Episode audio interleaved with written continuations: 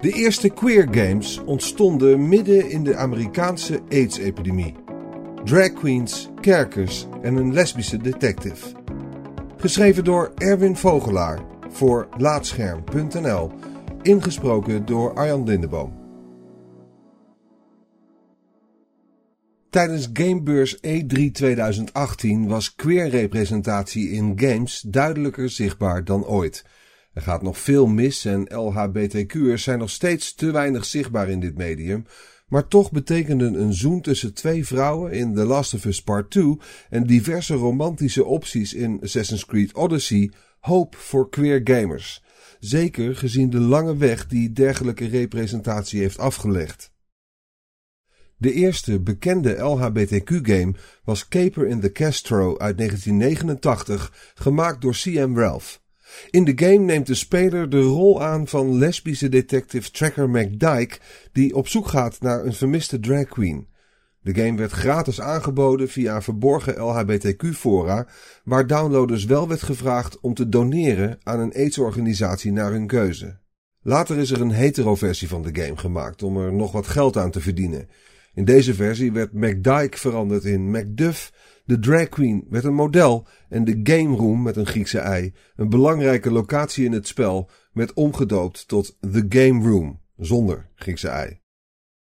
Terwijl de queer versie van Caper in the Castro nog redelijk onbekend bleef, kreeg de in 1992 uitgebrachte game Gayblade van Ryan Best al veel meer aandacht. In deze spoof op de bekende dungeon fantasy games van die tijd gingen spelers met een party aan drag queens, queers, lesbians en anderen de kerkers in om Empress Nelda te redden en haar terug te brengen naar Castle Gaykeep. In de kerkers moest je vechten tegen onder andere televisie-evangelisten, homofobe politieagenten en rednecks. Om je team te beschermen kon je bepansering aantrekken in de vorm van leren jasjes, schorten, tiara's en condooms. De wapens varieerden van haardrogers en handtassen tot lange nagels. Gayblade kun je er dus niet van beschuldigen zichzelf te serieus te nemen. Terwijl Caper in the Castro later hetero is gemaakt, ging het bij Gayblade juist andersom. Ryan Best had al 40.000 regels code geschreven voor een game getiteld Citadel of the Dead. Door een slecht contract kreeg hij echter geen geld voor de verkopen van die game. Daarom heeft hij de code gepakt en er een queer game van gemaakt. In een interview met Adriana Shaw voor de LGBTQ Videogame Archive vertelt Best dat hij op de middelbare school uit de kast werd getrokken door een vriend. Dat was op een vrijdag. Op maandag wist de hele school het, waarna de kwellingen, bedreigingen en het pesten begonnen en niet meer stopten. Dagen achter elkaar kwam Best in tranen thuis.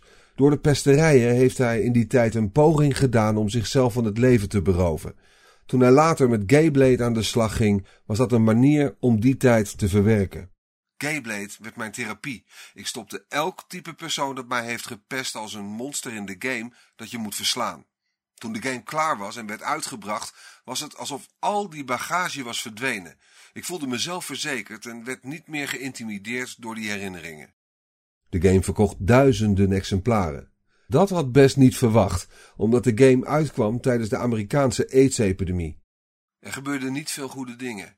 Dit was een van de kleine manieren waarmee ik hoopte de zware lasten en zorgen van veel mensen te verlichten, ook al was het maar voor een paar ogenblikken. Gayblade kreeg aardig wat aandacht in de pers, onder andere door USA Today. Best werd zelfs geïnterviewd door Howard Stern in zijn radioprogramma.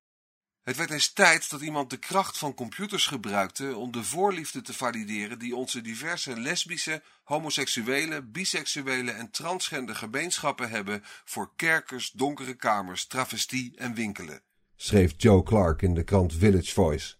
Natuurlijk waren niet alle reacties over dergelijke games positief. Zo werd Gayblade genoemd in de Pro-Life Activist Encyclopedia als onderdeel van de homosexual agenda. Zowel CM Ralph als Ryan Best hebben na deze titels geen andere games meer gemaakt. Toch hebben ze duidelijk een stempel op de game-industrie achtergelaten.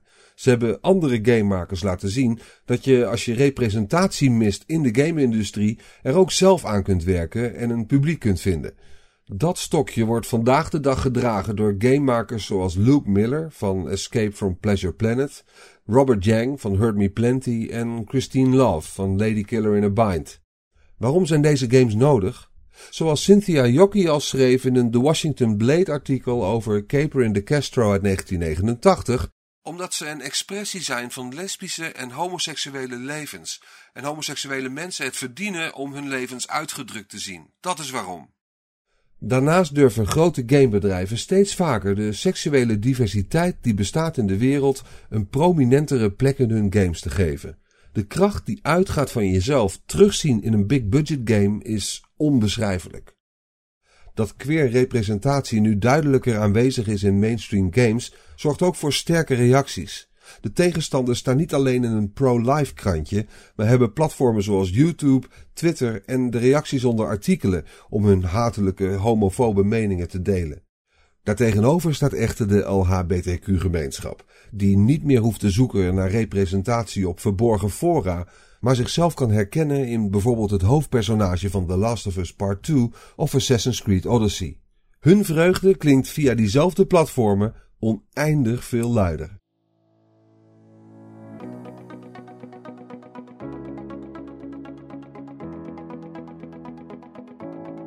Dankjewel voor het luisteren naar deze aflevering van Laatscherm voorgelezen.